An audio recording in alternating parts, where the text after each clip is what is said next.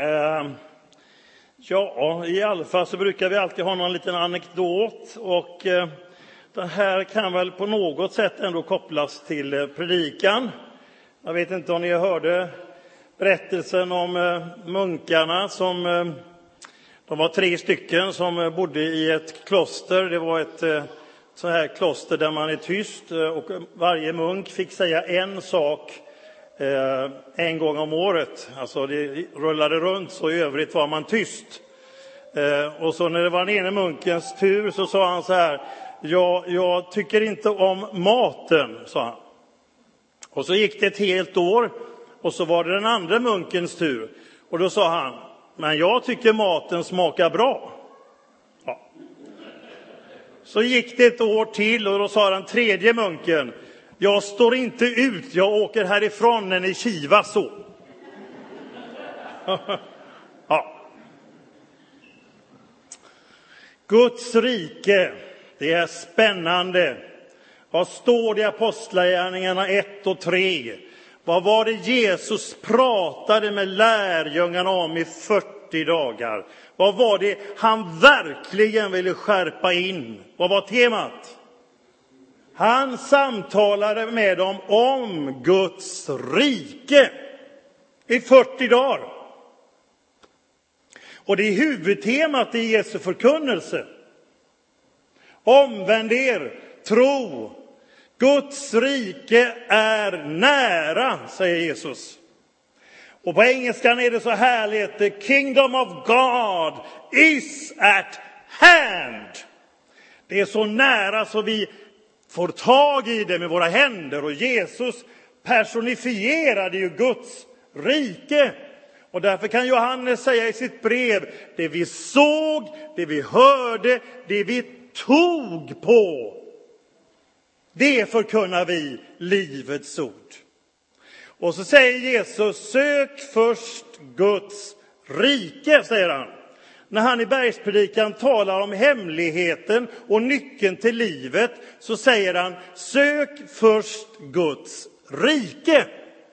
Och ordet försök är ett jättestarkt ord i grekiskan. Det betyder att en jägare, jag vet inte om det är någon jägare här, eller fågelskådare eller vad som helst. Det är ett ord som innebär att man söker tills man har hittat sitt byte. Det är jägarens ord. Han har fällt en fågel eller någonting. Och han ger sig inte förrän han har hittat fågeln. Det finns inga andra liksom, förstår ni, prioriteringar och snurrar där i skogen och där såg jag någonting annat. Utan har han fällt en älg eller någonting, då letar man ju efter älgen, eller hur? Går inte och tittar om det är några trevliga bofinkar ute eller någonting, utan det är ett fokus. Så starkt är ordet i bergspredikan. Sök först Guds rike. Och vi förstår ju att riket, säger Jesus, när frågan när kommer det? Ja, det är mitt ibland er nu, i min person, men det är också invärtes i er, säger Jesus. När Jesus Kristus som är rikets konung välkomnas, där är Guds rike. För ordet betyder herravälde. Alltså där Guds vilja sker, där är Guds rike. Och det kan ske mitt ibland oss, men det börjar alltid på det personliga planet. Sen ska vi se att det har med hela universum att göra. Det är allomfattande, men det börjar på det personliga planet, annars börjar det inte alls. Nikodemus frågade, hur ska jag få del av riket? Ja, du måste bli född på nytt, säger Jesus. Hur då, säger han som var professor i teologi. Hur ska det gå till? Jo, du ska födas av Guds ande. Vinden blåser vart den vill, du hör dess sus, men du vet inte var den far. Så är det med den som är född av Anden. Och där blir vi medborgare i Guds rike. Vi får ett dubbelt medborgarskap. Och ni vet, jag berättade ju det på den tiden man eh, eh skulle söka vapenfri tjänst. Och jag var lite runt 20 och då fick man göra ett eh, rejält förhör var det. Man satt där med någon psykolog eller socionom och de manglade en om man var tillräckligt öm i samvetet för att inte vilja skjuta någon. Och då frågade de, har du inte särskild lojalitet liksom, till Sverige? Jo, jag, jag är glad för att vara svensk, men jag har ett medborgarskap till, sa jag. Och då förhörsledaren blev lite förvirrad där och började titta i papperna och, och hittade ju inte detta. Och då sa jag, jag är medborgare i himlen med, sa jag. ja, ni skulle sett hans min. Ja. Eh, jag försökte ju den också då när jag första gången var ute och åkte i Europa som 20-åring och körde till Paris. Eh, och då hade jag ju glömt det här S-märket och tyska gränspolisen var ju väldigt strikt. Det enda jag hade var ett Jesusmärke, ni vet, från 70-talet, One Way. Det hade jag. Och så frågade han, det går ju inte, du har inget S-märke. Nej, men jag kommer därifrån, sa jag. och han log där och, eh, och sen så tittade han på Jesusmärket och sen ritade han ett S i dammet. och sen sa han, åk bara. Ja. Ja. Vi har ett dubbelt medborgarskap och det är precis som det står, det består inte av ord utan av kraft. Ord har vi tillräckligt av. Det finns ju viktiga ord, så är det naturligtvis. Ord som ger ande och liv. Men man blir ju uttröttad, tror jag, på alla debattprogram där det bara pratas och pratas och pratas och pratas. Men vi behöver ju verkstad. Och Guds rike innehåller ord, men det består inte av det, utan det består av kraft. Alltså en påtaglig förändring. Det händer någonting med en människa som möter Jesus Kristus och blir förändrad och förvandlad. Hon blir inte perfekt, för vi lever i en ofullkomlig värld, men vi får uppleva Guds framtid i förtid.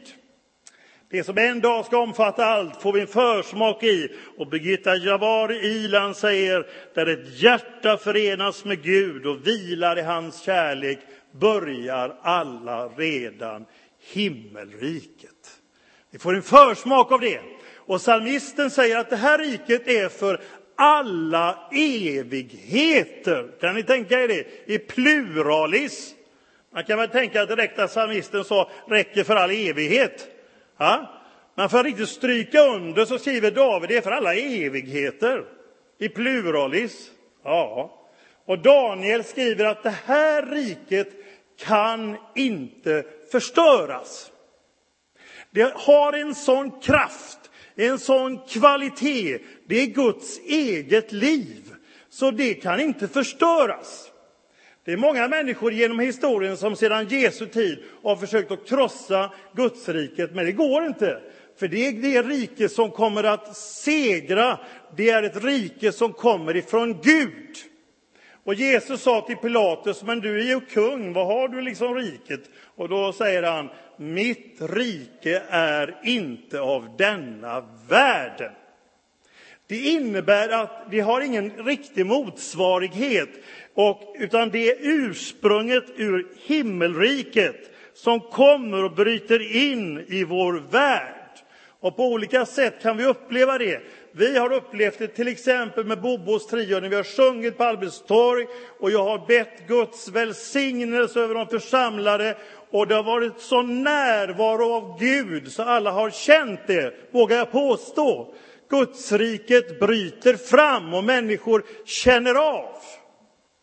Det innebär också att det inte är beroende av hur den sociala eller politiska ordningen ser ut för att det ska fungera. I islam, om man ska genomföra det, så kräver det egentligen att det är en islamsk stat. För då kan man praktisera islam, annars kan man det egentligen inte riktigt. Men Guds rike helt oberoende i vilket sammanhang. Jag har mött det i ett av de fattigaste länderna i världen där jag har bott. Hur Gudsriket fungerar och blomstrar. Och jag har mött det på många olika länder i vår värld. Och det fungerar. Det kan ta olika uttryck i olika omständigheter, men det är lika verkligt och påtagligt. För det är inte beroende av om det regnar, Ivar. Precis. Nej, eller hur världen är eller någonting, utan Gudsriket finns där, där Jesus är. Och så består det inte av mat och dryck. Det blir ju gott med fika här sen, men det, det består inte av det, utan av rättfärdighet. Det betyder att man har ett rätt förhållande med Gud, harmoni. Det betyder också att ha en personlig moral som svarar mot Guds egen. Där blir vi aldrig perfekta, men det är ändå vägmärket för vår personliga moral. Sen är det så att det är lite synd egentligen att man inte kan översätta bägge delarna, för det är också så att i grekiskan så är det samma ord för rättvisa. Och vi har konsekvent översatt rättfärdighet då. Eh, och då kan man tappa bort, sök först Guds rättvisa. För Gud älskar rätten och hatar orätten. Så riket består av rättfärdighet, men också av rättvisa. Och det är en social moral, hur vi agerar och handlar utifrån Guds egenskap. Så rättfärdighet och rättvisa. Pröva en gång och läs eh, Nya testamentet och läs rättvisa varje gång du läser rättfärdighet. Det kan vara en nyttig övning. De Helder Camara, som var de fattigas präst i Brasilien, han sa så här att när jag hjälper de fattiga då säger alla ledarna i landet, du är ett helgon, du är fantastisk, vad du gör fint. Och sen så ställde jag frågan bara så här, varför är ni fattiga? Ja, då blir regimen galen och kallar mig för kommunist, sa han. Ja. Men den frågan är ju berättigad. Rättfärdighet och rättvisa. Sen står det att det består av frid. Och det är samma ord där, frid och fred är samma ord. I bergspredikan säger Jesus, saliga är de fridsamma, står det i 1917. Och då kan man tänka att man är fridsam, söker inte konflikter och argsint, och det är en god egenskap. I den nya så står det, saliga de som håller fred, och det är ju bra. Munkarna hade lite trassel där. Kanske om de fick prata oftare så hade de kanske rätt ut det hela med matfrågan, det tror jag. Eh, men hålla fred är ju att liksom bevara någonting som är vackert och fint, och det är viktigt. Men grundordet är faktiskt saliga är de som stiftar fred och frid. Alltså tar initiativ till fred och försoning. Precis som Nelson Mandela och Desmond Tutu gör det fantastiska, historiska, som aldrig har hänt tidigare, utifrån sin kristna tro tillsätter sannings och rättfärdighetskommissionen där man kunde mötas till förlåtelse och försoning och stifta fred. För Nelson Mandela och Desmond Tutu sa vi kan inte bygga ett nytt land på hat och våld. Vi måste bygga det i försoning och förlåtelse. Det finns ingen annan väg. Och Jesus säger saliga är de fridsstiftande. Och så är det glädje. Det innebär ju inte att jag alltid går med 10-2-leende så här påklistrat. Eh, eh, man kan ha olika läggningar i sin personlighet och så vidare, men grundtonen är obestridligen ett glatt budskap. Det råder ingen tvekan om det. Sen kan vi ha olika faser i livet, men jag tror ändå att grundflödet och grundtonen kan få, även i det svåra, mynna ut i en tacksamhet till Gud att han är med mig. Och det är också en form av glädje. Sen så är det naturligtvis så att det, det är inte farligt att vara glad i kyrkan. Eh, det är en del, kanske en del har tänkt sig liksom att, att blir jag kristen så är det slut på det roliga. Ja. Då får jag inte göra det och inte göra det och inte göra det. Jag brukar säga att det är en massa saker jag slipper att göra. Det är ju helt underbart.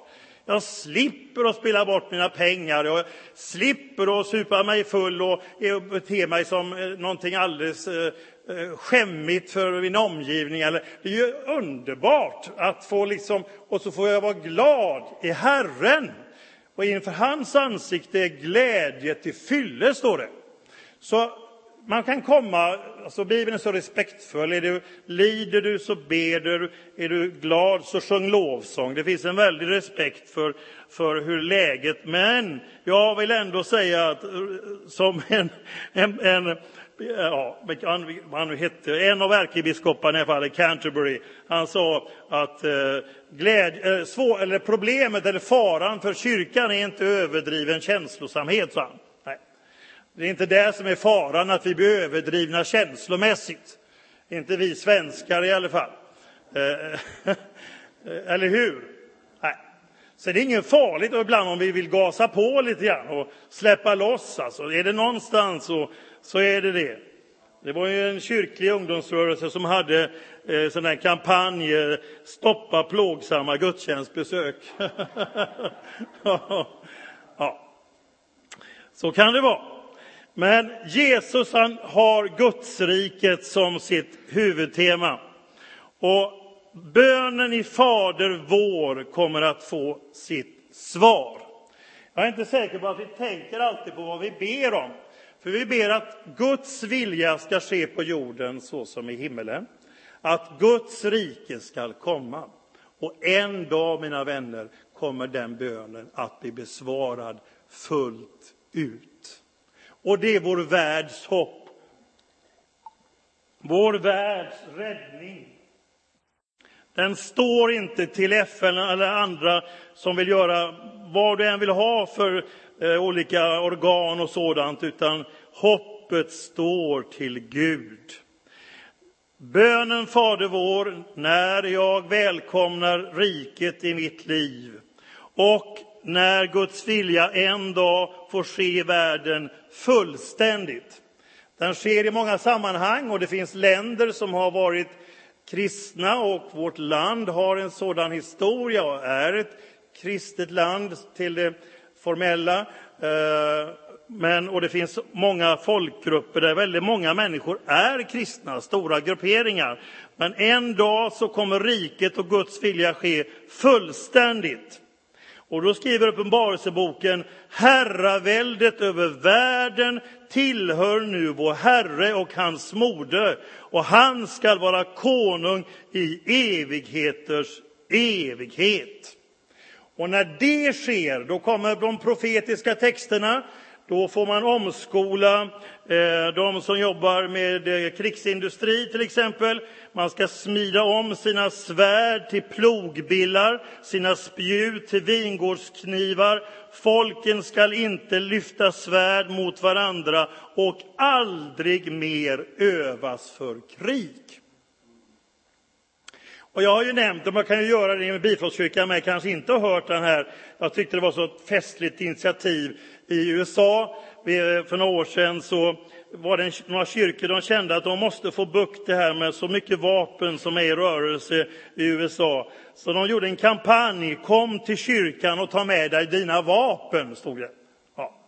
Så hade de insamlingar av vapen och då man lämnade in det, no question asked, stod det. Man kunde lämna in en pistol eller gevär anonymt, få 200 dollar av kyrkan insatt på sin bankkonto. Och första lördagen så samlades det in 427 gevär i de här kyrkorna. Ja, så det var ju väldigt bra. Och vad gjorde man med gevären? Jo, man recycling, man återvann dem, man gjorde dem till klädhängare. Det tyckte jag var fantastiskt. Så nu kom in i kyrkan där, vad ska jag hänga min rock? Ja, du kan ta Winchestern där. Eller den som var den gången, liksom, hur man nu gjorde. Men liksom, det var vilken profetisk tilltal! Du kommer in i vestibulen i kyrkan och där är det galgar och före detta gevär. Ah? Oj, vilken hälsning rakt in! Och skapelsen ska bli befrias ur sitt slaveri, säger Paulus i Romarbrevet 8 och 21. Den längtar på samma sätt så som vi längtar att få vår himmelska kropp, så längtar naturen efter att bli fri från syndens förbannelse, skriver Paulus. Så den ekologiska balansen kommer att återställas och naturen blir lika fräsch som på skapelsens morgon. ett rättvist samhälle. Det blir en dom över allt ont. Och Jesus säger att det blir världens återfödelse, säger Jesus. Världen ska födas på nytt. Nya himlar och ny jord där rättfärdighet bor. Och det kan vark, inte någon kommunism eller kapitalism eller teknisk utveckling, vad du vill, kan fixa det. Utan det kräver större krafter och det är just det som Guds rike handlar om. Det är sådana krafter, mina vänner, som vi har en liten försmak av och som vi får glädjas över att få ta del av Guds framtid i förtid.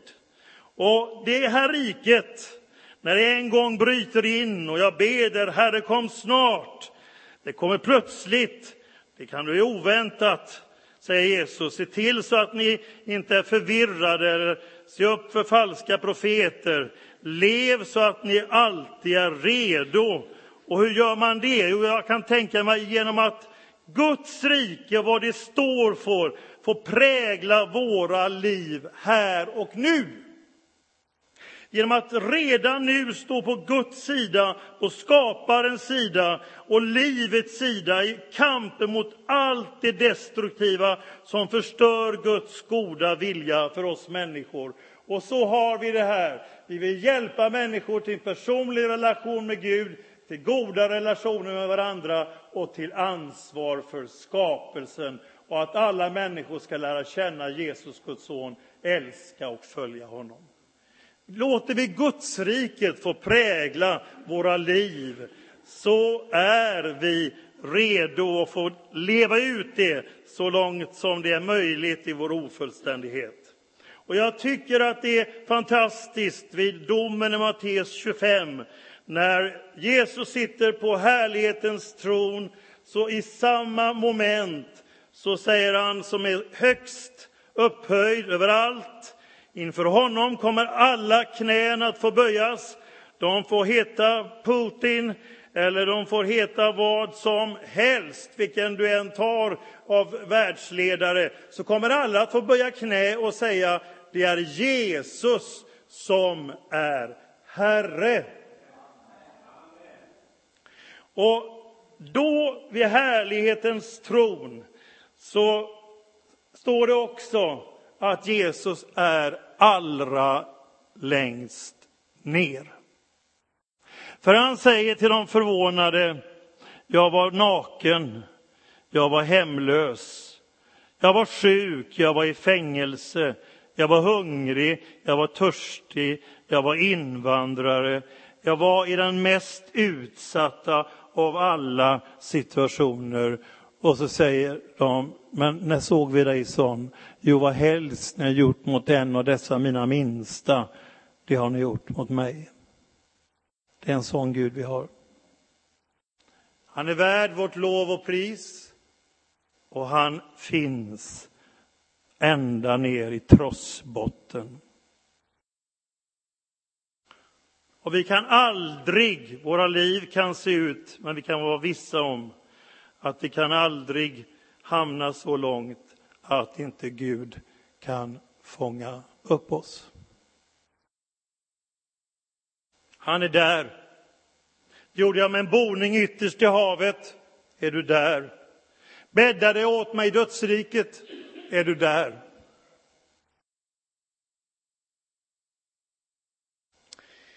Ni vet ju att jag har Stanley Jones som en, en av, som jag tagit så mycket intryck av denna världsevangelist och författare som arbetade 40 år som missionär i Indien. Jag vill avsluta med att läsa ur hans andaktsbok Segerrikt liv. Den heter Vår fader Davids rike. För ni vet, vad ställde lärjungarna för fråga det sista de gjorde? Vad var frågan? när Jesus skulle lyftas upp. Han frågade, Herre, ska du nu i denna tid upprätta Israels storhet? Och trots tre år, trots 40 dagar, så ställer hon den här frågan. Alltså, det var ingen fel fråga, för, för den, den var ju berättigad. Men lärjungarna reducerar vad Gudsriket är. Därför precis så som Ivar läste, Gud älskar världen. Det blev ju en överraskning att Gud älskar hela världen. Och Gudsriket är allomfattande. Men lärjungarna, ni vet, det behövdes ett tag innan de förstod att evangelium var för alla. Så de begränsar Gudsriket. Och när Jesus rider in i Jerusalem så sjöng man Hosianna, Davids son. Alltså Gudsriket, vår fader Davids rike. Man tänkte sig, nu kommer tiden där Gud upprättar en rättvis ordning i världen och Israel ska vara det land som eh, då är regenten, att det är det som ska ske nu. Men då säger Jesus att, eh, att eh, riket är för alla och det ska gå ut till alla människor.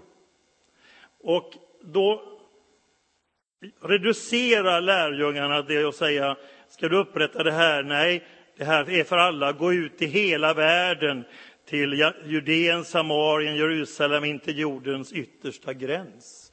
Det är allomfattande.